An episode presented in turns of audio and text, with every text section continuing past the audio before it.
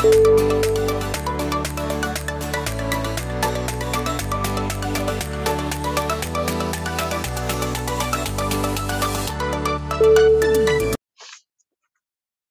beyler Eurolig'in 24. haftasının ardından bir durum değerlendirmesi yaptığımız Eurolig programımıza hoş geldiniz. Benimle beraber Onat Selvi var.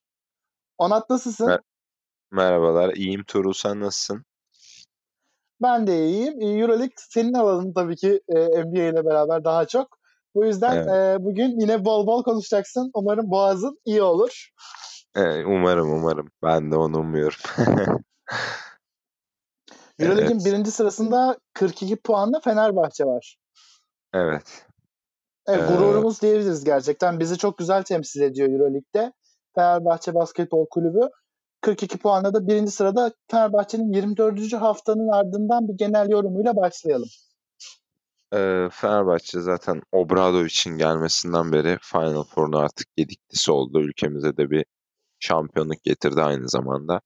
Ee, yine bu yüzden bu sene başında da Final Four'un en büyük favorilerinden biriydi. Ancak geçen seneden kısa rotasyonda Nanalı ve Vanamaker'ı kaybedip yerine de ilk defa Avrupa'da oynayacak Enis'i almışlardı. Bu yüzden hem kısa rotasyonda hem nicelik açıdan hem de nitelik açıdan sorgulanıyordu Fenerbahçe'nin kısa rotasyonu. Bir de bunun üstüne Tyler sene başında ay- maalesef ayağı kırıldı ve sezonu kapattı. Yani o esnada muhtemelen Avrupa'daki basketbol otoritelerinin birçoğuna sorulsa hiçbiri 24. hafta sonunda Fenerbahçe'nin 21 galibiyeti olacağını söylemezdi. Ama tabii e, Obrado için olduğu yerde hiçbir şey şaşırtmıyor. Ee, Enis sakatlandıktan sonra Enis'ten tamamen bambaşka bir rolde oynayacak Eric Green alındı ve kendisinden üstüne üstlük bir süre faydalanamadı. Bunun dışında işte Veseli menisküs ameliyatı oldu. Laver sakatlık geçirdi sezon içinde. Bunca aksiliğe rağmen Fenerbahçe hem şu anda Türkiye Kupası'nı kazanmış durumda. Hem Euroleague'de 24 hafta sonunda 21 galibiyet almış durumda. Final Four'un zaten artık en büyük favorilerinden biri. Şampiyonlukta da en büyük favori olarak gösteriliyor şu anda. Tabii Final Four'a kaldıktan sonra onlar tek maç orada bir her takımın şampiyonluk şansını eşit görüyor. Ama Fenerbahçe gerçekten muhtemelen e, normal sezon tamamlandığında sezonun en iyi takımı olmuş olacak. Ayrıca da Jan Veseli de muhtemelen bu sezon MVP olacaktır. Çok iyi bir performans gösteriyor. Fenerbahçe'nin bu arada e, bu e, sakatlık sonrası rol dağıtımları da çok başarılıydı. Melih'in performansının çıkışı, zaman zaman Guduric'e, zaman zaman Sulukas'a o kısa rotasyondaki nicelik sıkıntısının devredilmesi. Fenerbahçe çok başarılı bir şekilde o oyuncular artık birbirini çok iyi tanıyorlar. Sakatlık olduğu anda herkes birbirinin açığını, birbirinin rolünü kapatıyor. Gerçekten çok iyi bir sezon geçirdiler şu ana kadar.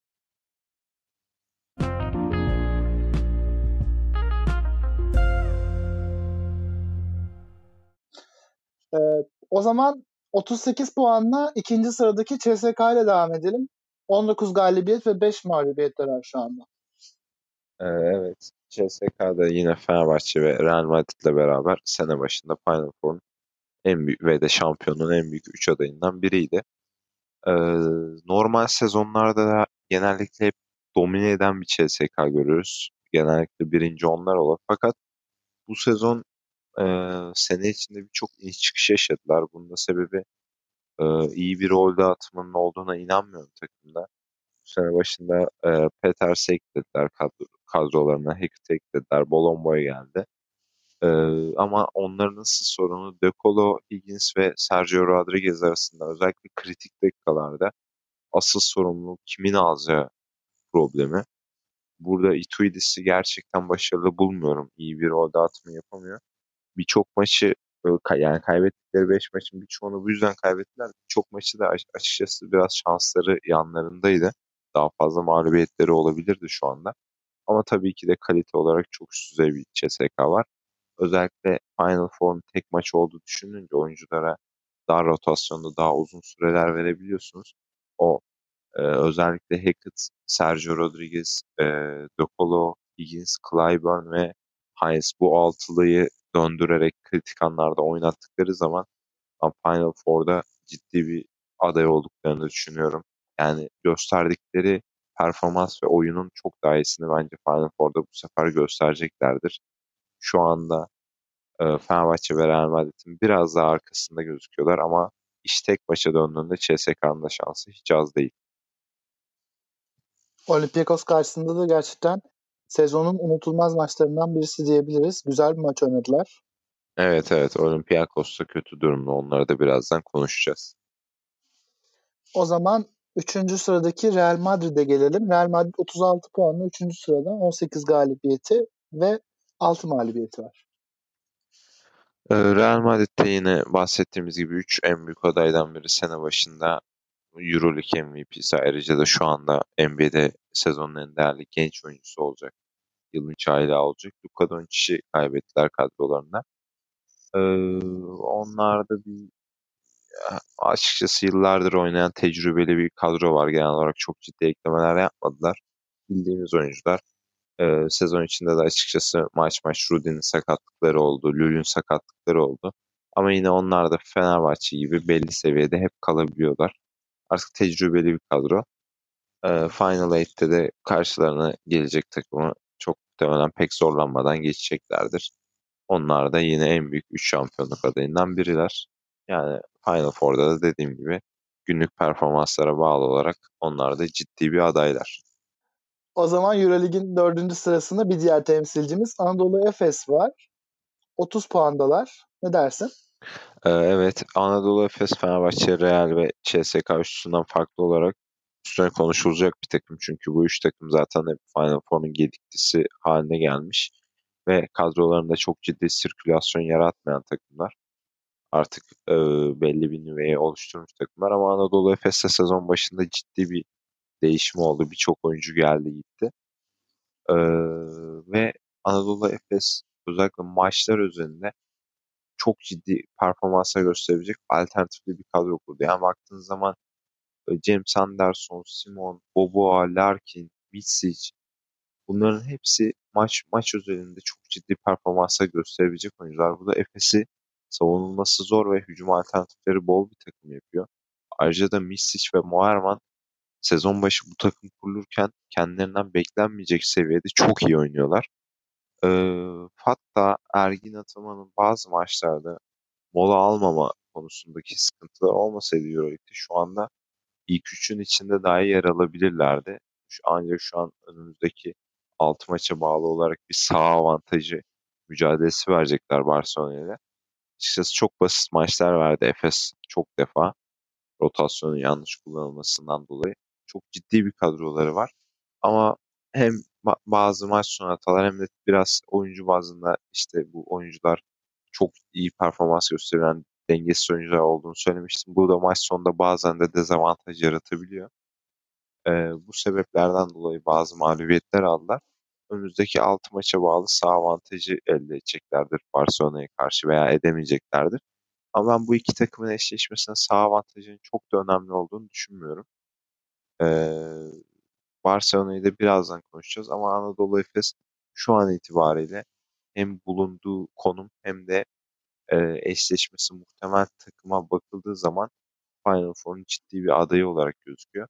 Final Four'da da bu e, her ne kadar diğer üç takıma göre bireysel oyuncu bazında çok daha tecrübesiz olsalar da keza koç bazında e, maç üzerinde oyuncuları çok ciddi performans gösterebilecek oyuncular sahip olmasından dolayı onlar da ciddi bir aday olurlar eğer Final Four yaparlarsa.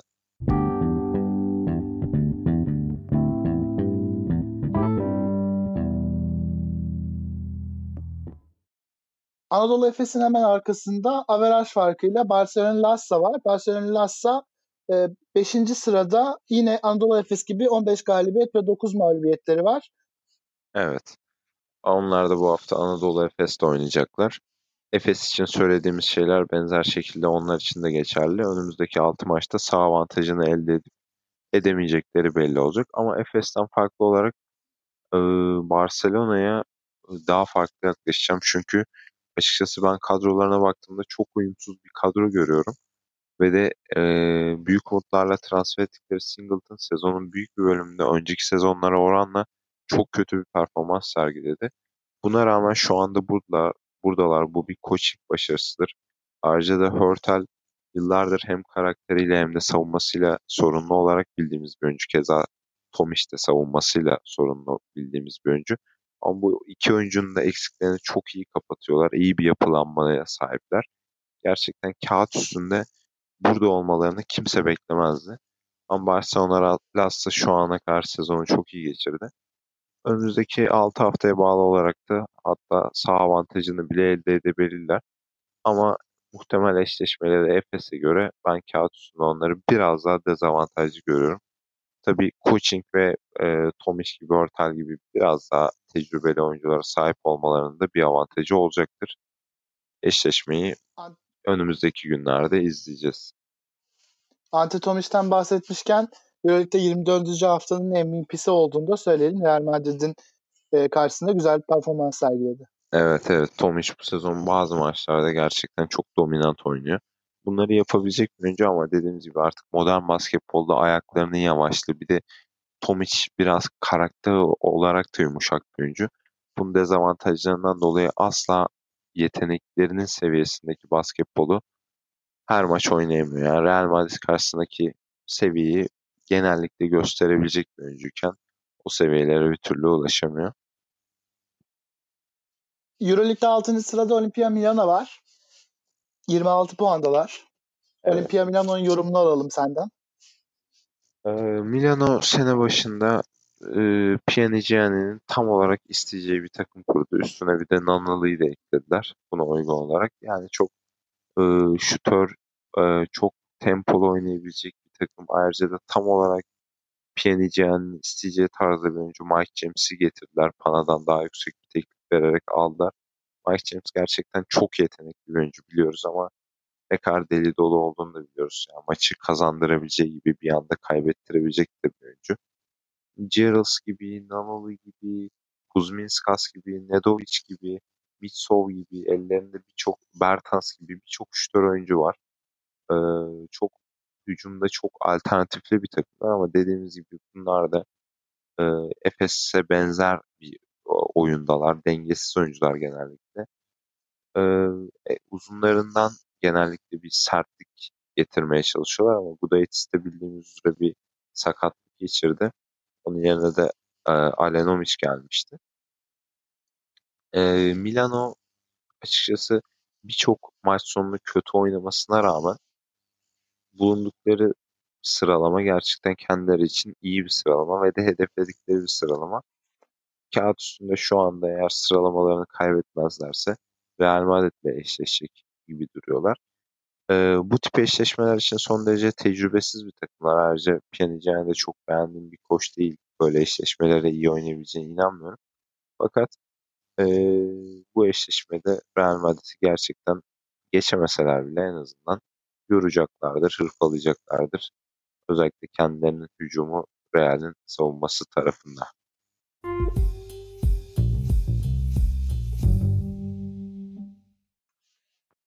Milan'ın ardından 7. 8. ve 9. sıradaki aynı puanlı takımları tartışacağız. Şu anda sıra Baskonya'da 35 averajla 7. sırada. Ee, evet Baskonya'da gerçekten takdir edilmesi gereken takımlardan biri. Bu sezon öncelikle en büyük oyuncuları Şengelya ve yine en iyi iki oyuncusundan biri Granger'ı sakatlığa kurban verdiler neredeyse sezon yarısında ikisinden de yararlanamadılar. Ee, aslında Final Four'un kendi evlerinde olması sebebiyle sezon başında çok motive girmişlerdi ama buna pek de uygun bir kadro kurmadılar. Ee, yine de kağıt üstünde en azından Final Eight rahatlıkla yapabilecek bir takım gözüyle bakılıyordu Baskonya'ya. Ama bu bahsettiğim sakatlıklardan sonra ilk 8'e girmesileri imkansız gibi gözüküyordu. Fakat e, özellikle koç Velimir Perasovic'in gelişiyle ve oyuncuların da gösterdiği performans yükselişiyle e, Matt Jenning'in bu bölümdeki performansından bahsedebiliriz. Keza Vincent Poirier'in. E, gerçekten Baskonya kendinden beklenenden çok daha iyisini yaptı. Şu anda da e, Final Four yaşında bu haftada buraya kadar gelmeleri Granger'sız ve Şengelya'sız gerçekten mucize gibi. Ee, önümüzdeki haftalarda da onlar Bayern Münih, e, Olympiakos, Panathinaikos ve Maccabi ile beraber Final 8 yarışı vereceklerdir. Kim bu yarıştan galip çıkacak göreceğiz. Baskonya'nın hemen ardında onunla beraber 24 puan paylaşan diğer iki takımdan birisi Olympiakos var. Olympiakos'u kısaca yorumlayalım. Ee, Olympiakos'u saydığımız Final Four gediklisi takımlardan Fenerbahçe, Real Madrid ve e, CSKA ile beraber Euro e, Final Four'un dördüncü favorisiydi kağıt üstünde. Sene başında da benim çok beğendiğim bir koç olan David Blatt'i getirip e, iyi de bir kadro kurdular. E, Axel Tupan eklemesi, bunun yanında Nigel Williams-Goss eklemesi yapıldı. Zekle geldi. E, Olympiakos'ta açıkçası David Blatt'in sistemine geçişte sıkıntılar yaşandı. David Blatt bildiğimiz gibi hızlı bir basketbol oynatan koç zaten. NBA kariyeri de olan bir koç. Ama Spanulis ve Printez'in olduğu takımda, Yunan oyuncuların olduğu takımda bu çok da iyi tutmadı. Printez ve Spanulis'in bir özellikle Spanulis'in biraz daha arka plana çekilmeye çalışıldığı esnada o rolleri kimin alacağı hep bir soru işareti oldu. Açıkçası Nigel Williams-Goss da bekleneni veremedi. Keza Axel Tupan'da. Yanis Tima'da da çok ciddi bir form düşüklüğü var. Bunu tabii ki de bütün oyuncuların formunun düşmüş olmasına bireysel form düşüklüğüne bağlayamayız. Sisteme oyuncuların uyum sağlayamamasından bahsedebiliriz. Onlar da zaman zaman maç üzerinde sakatlık sıkıntıları yaşadılar. Spanulis oynamadı, Strelniks'in oynamadığı, Tupa'nın oynamadığı maçlar yaşandı. Ee, Olympiakos'un açıkçası bu haftada burada olması gerçekten büyük bir başarısızlık. Kağıt üstünde kesinlikle çoktan e, sağ avantajını elde etme favorisi konumunda olmaları gerekiyordu. Ama şu anda Final Four'a kalıp kalamayacak, zaten Final 8'e kalıp kalamayacakları sorgulanan bir takım haline geldiler. Ben öyle veya böyle Olympiakos'un tecrübesiyle bir şekilde Final 8 yapacağına inanıyorum ama yapsalar dahi çok muhtemel bir şekilde büyük bir sürpriz olmazsa Fenerbahçe, CSKA veya Real Madrid ile eşleşeceklerdir. Bu oynadıkları basketbolla açıkçası bu üç takımdan hiçbirinin karşısında tarihlerine rağmen, tecrübelerine rağmen, koçlarına rağmen hiçbir şansları olduğunu düşünmüyorum. Olympiakos açısından başarısız bir sezon olarak nitelendirilebilir. Olympiakos'un hemen arkasında 24 puanın bir diğer ortağı Bayern var. Bayern Münih hakkında küçük bir yorum alalım. Evet, Bayern Münih'te yine e, kağıt üstündeki kadrosuyla performansı farklı olan takımlardan. Ama bu olumlu anlamda Dejan Radonjić'i tebrik etmek lazım. Gerçekten e, bu takımın Final 8 mücadelesi vermesi pek de muhtemel gözükmüyor kağıt üstünde. Sene başında sorulsa 11 veya 12. sırayı alacakları söylenebilirdi ama Bayern Münih gerçekten çok başarılı bir performans ortaya koydu. Birçok maçta da kendilerinden beklenmeyen galibiyetler aldılar. Bunda tabii sezon başladıktan biraz daha sonra yapılan Derek Williams eklemesi de çok önemli gerçekten. Ee, NBA draftında yanlış hatırlamıyorsam e, ikinci sıradan draft edilmişti zamanında Derek Williams. Çok e, buralar için önemli bir oyuncu. Zaten çok iyi performanslar da gösterdi hatırlarsak. Temsilcimiz Fenerbahçe yendikleri maçları çok iyi oynamıştı. Tüm sezon boyunca iyi oynuyor. O maç üzerinde değil. Ama e, tek bir oyuncuya bağlı takım değiller. Gerçekten iyi bir sistem kurmuşlar. Bir maç Cedovic katkı veriyor. Bir maç Koponen katkı veriyor. E, Jovic zaten topu yönlendiriyor. Bir maç Lucic katkı veriyor. Bir maç Bartel veriyor. Rollerin bölüşüldüğü dengeli bir takım beğenmek gerçekten. Önümüzdeki haftalarda Final Eight yapıp yapamayacakları belli olacaktır. Final Eight'te de tabii ki de yine onlar da Fener, CSK veya Real ile eşleşecekler. Pek şansları olmayacaktır. Fakat e, performans bazında, kadro kalitesi performans ekseni bazında onlar benim gözümde sezonun kazananlarından biri çoktan olmuşlardır.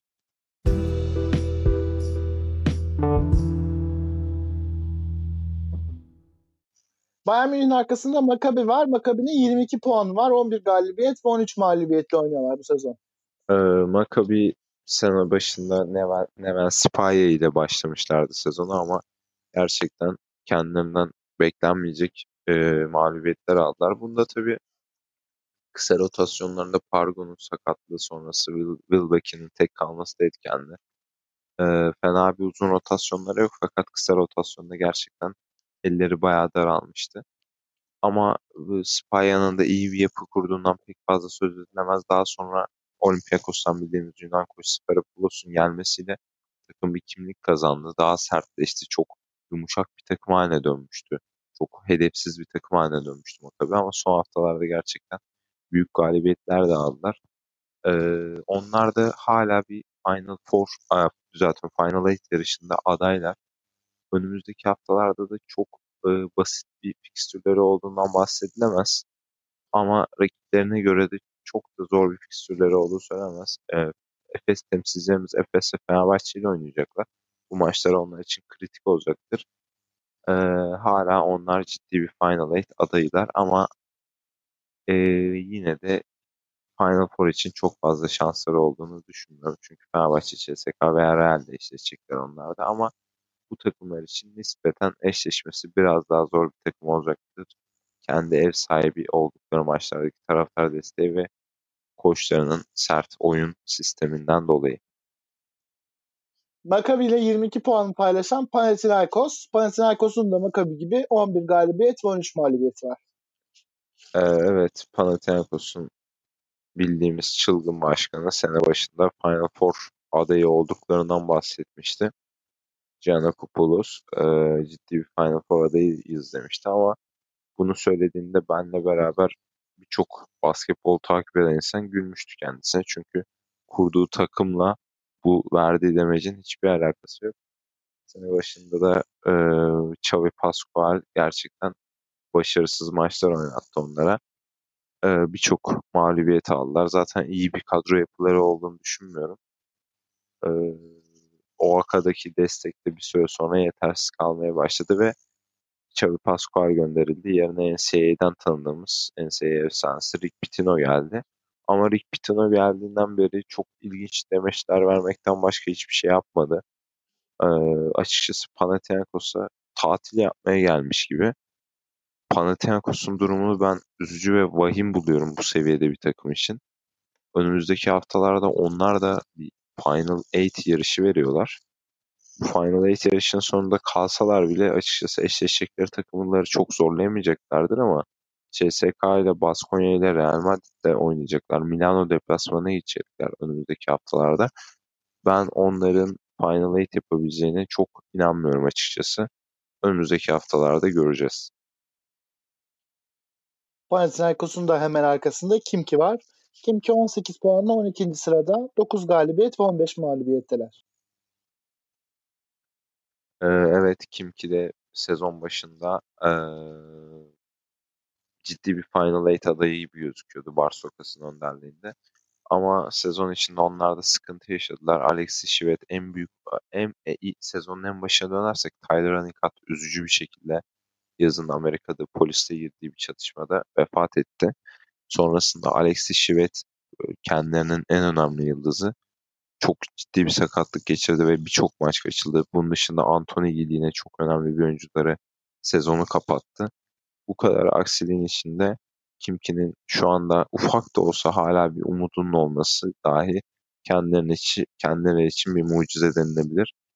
Ee, açıkçası ben Alexis Şivet'in önderliğinde kurulacak bir yapıyı çok hoş bulmuyorum. Çünkü e, çok takım arkadaşları açısından iyi bir oyun oynayan oyuncu değil. Topu çok elinde tutan, sürekli kendi tercihler yapan bir oyuncu. Tamam çok yetenekli tabii ki de tartışılmaz ama bunu daha önceki sezonlarda da o eski takım arkadaşlarının açıklamalarını anlayabiliriz. İyi bir takım havası yaratmıyor. Üstüne de çok ciddi bir maaş alıyor. Yani o sakatlanmamış olsaydı dahi Kimkin'in iyi bir yapısı olacağına inanmıyordum ama onun sakatlığı tabii ki de bu takımı çok etkiledi. Bunun dışında e, Barsokas'ın yerine şu anda Kurtinyatis geldi ve sezon baz, bazında da Jordan Mickey'nin ciddi bir kazanımı olduğunu unutmadan söyleyelim. Ayrıca hala dediğimiz gibi Final Eight yarışının içindeler ve Andrew Harrison, Galatasaray'daki Aaron Harrison'ın kardeşini eklediler kadroya. Demek ki hala bir e, aday olarak görüyorlar kendilerini. Bakalım önümüzdeki haftalarda Kimki'nin ufak da olsa bu devam eden şansı mutlu sona erebilecek mi? Kimki'nin 18 puandaki bir diğer rakibi Zalgiris'le devam ediyoruz. Zalgiris'in de 9 galibiyet 15 mağlubiyeti var aynı Kimki gibi. Evet, e, geçen sezonun Final Four oynayan hatta temsilcimiz Fenerbahçe ile yarı finalde karşılaşan takımı Zalgiris. E, açıkçası tabii ki de çok büyük bir başarı elde ettiler ama bu biraz e, Avrupa basketbolunda bence hak ettiğinden daha değer gören bir takım haline getirdi onları. Gerçekten mükemmel bir performans gösterdiler. Hiçbir şey denilemez ama hani kağıt üstünde yine bir Final Four adayı gibilermişçesine konuşuluyordu sene başında. Ben buna pek inanmıyordum. Açıkçası şu anki durumları beni biraz şaşırsa da yine de bu seviyede bu seviyeye yakın bir seviyede olmalarını bekliyordum ama kamuoyu çok şaşırmış durumda. Hem bireysel bazda artık takımlar onlara daha çok önlem alıyorlar. Hem oyuncularının düşüşleri var hem de Pangos'un eksikliğini açıkçası pek kapatamadılar. Westerman da onlarda bir sakatlık geçirdi. Nate Walters Pangos'tan sonra açıkçası bence pek iyi bir tercih değil. Zaten Beşiktaş'tan da tanıdığımız bir oyuncu. Pangos'un eksikliğini asla kapatamadılar. Bu sezon e, Jalgiris açısından pek de sevindirici geçmiyor bu açıdan. E, sezon sonu Saras'la devam et, daha doğrusu Saras onlarla devam edecek mi etmeyecek mi göreceğiz önümüzdeki sezon ne yapacaklarını. Onların da kimki gibi ufak da olsa devam eden bir şansları var. Ama açıkçası ben pek de bu şansın mutlu sona ulaşabileceğine inanmıyorum. Özellikle son iki maçlarında Olympiakos ve Real Madrid deplasmanı olduğunu düşünce. 14. sırada İspanya'nın ada takımı Gran Canaria var. Gran Canaria 12 puanda 6 galibiyet 18 mağlubiyetlere. Evet yani 6 galibiyet 18 mağlubiyette olmaları hiç şaşırtıcı bir şey değil. Gran Canaria gerçekten çok sempatik bir takım. Hem Pınar Karşıyaka'ya benzettiğim bir takım. Özellikle ev sahibi maçlarındaki taraftar destekleriyle, tarzlarıyla. Ee, kendilerinin tarihlerinde ilk defa Euroleague'e kalıyorlar. Taraftarlarına tabii ki de bu açıdan hiç yaşayamayacakları bir başarı yaşattılar. Onların Euroleague'e çıktıkları her maç yenseler de yenilseler de onlar için bir başarı. O açıdan kendilerini başarısız ilan edemem. Zaten kadrolarındaki en iyi oyuncuları da muhtemelen Kim Tilly ile e, DJ Strawberry denilebilir. Bunlar da ne kadar Euroleague oyuncusu tartışmaya açık. Yani kadro kaliteleri Euroleague için yetersiz. Yine de buna rağmen 6 galibiyet al, almaları dahi kendileri için bir başarı. İspanyol temsilcisi bence takımlarını, kulüplerini, daha doğrusu adalarını gayet iyi temsil ettiler. İyi, iyi bir deneyim oldu o zaman, için.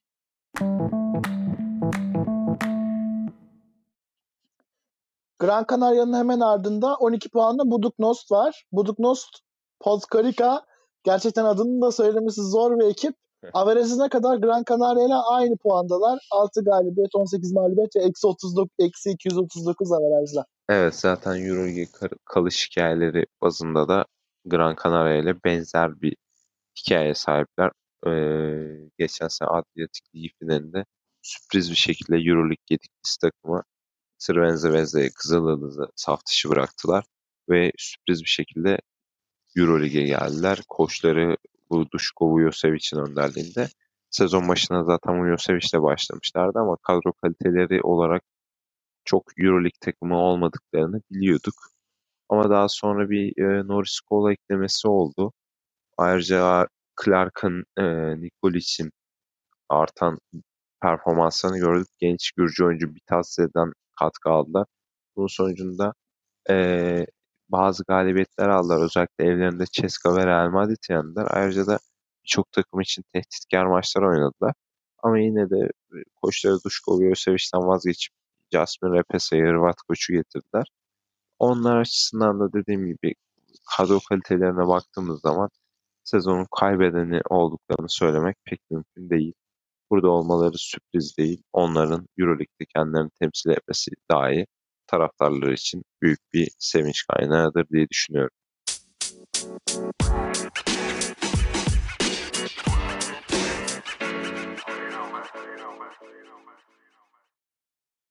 Euroleague'de son sıraya geldik. 16. sırada Darüşşafaka Tekfen var. 3 galibiyet ve 21 mağlubiyetle e, güzel temsil edemiyorlar bizi ama sen de e, programdan önce şanssız olduklarını söylemiştin.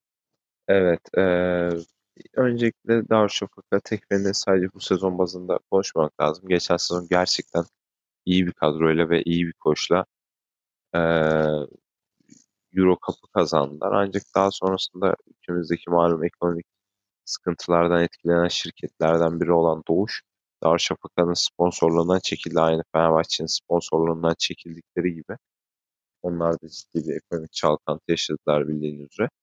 Ee, onların sponsorluktan çekilmesi sonrası tamamen çok daha e, saatli, çok düşük bütçeli bir kadroya yöneldiler.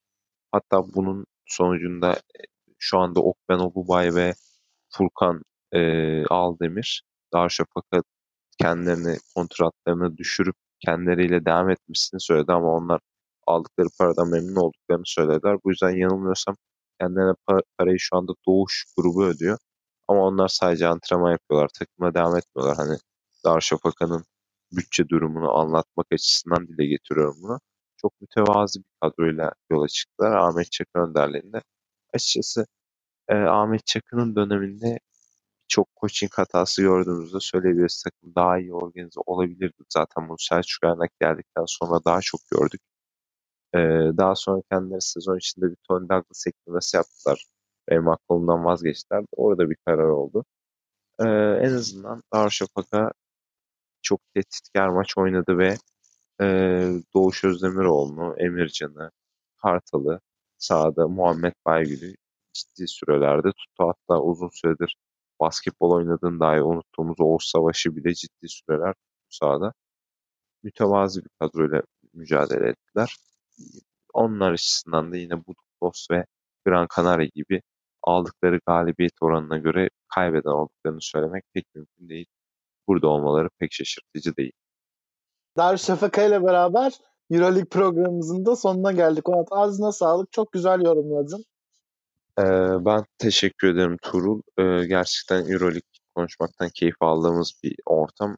Bu programda devam edecek. Her hafta olmasa da Euroleague. Haftalar geçtikçe özellikle Final 8'ten önce Euroleague'i tekrar konuşacağız. Ayrıca da e, kendimiz için bir WordPress hesabı açtık. Blog burada bunu da paylaşacağız ilerleyen günlerde. Orada da bir Euroleague yazısı gelecek. Ee, önümüzdeki haftalarda basketbolu ilk programını çektiğimiz NBA'nin ilk 5 sırasını konuştuğumuz Batı ve Doğu takımlarını konuştuğumuz programın ikinci versiyonu 5. ile 10. sıra arasındaki Batı ve Doğu takımlarını konuşacağımız programla ikinci basketbol konuşmalarımız devam edecek. Aynı şekilde futbol programlarımız da devam edecek. Dinleyen herkese çok teşekkür ediyorum. Umarım keyifli bir program olmuştur.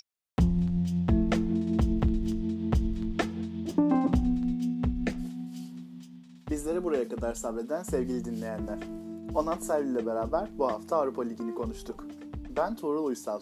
Bölümümüzün sonuna geldik. Bizleri Spotify, Apple Podcast, Google Podcast ve internetin podcast yayını yapan birçok platformdan dinleyebilirsiniz. Görüşmek dileğiyle. Müzik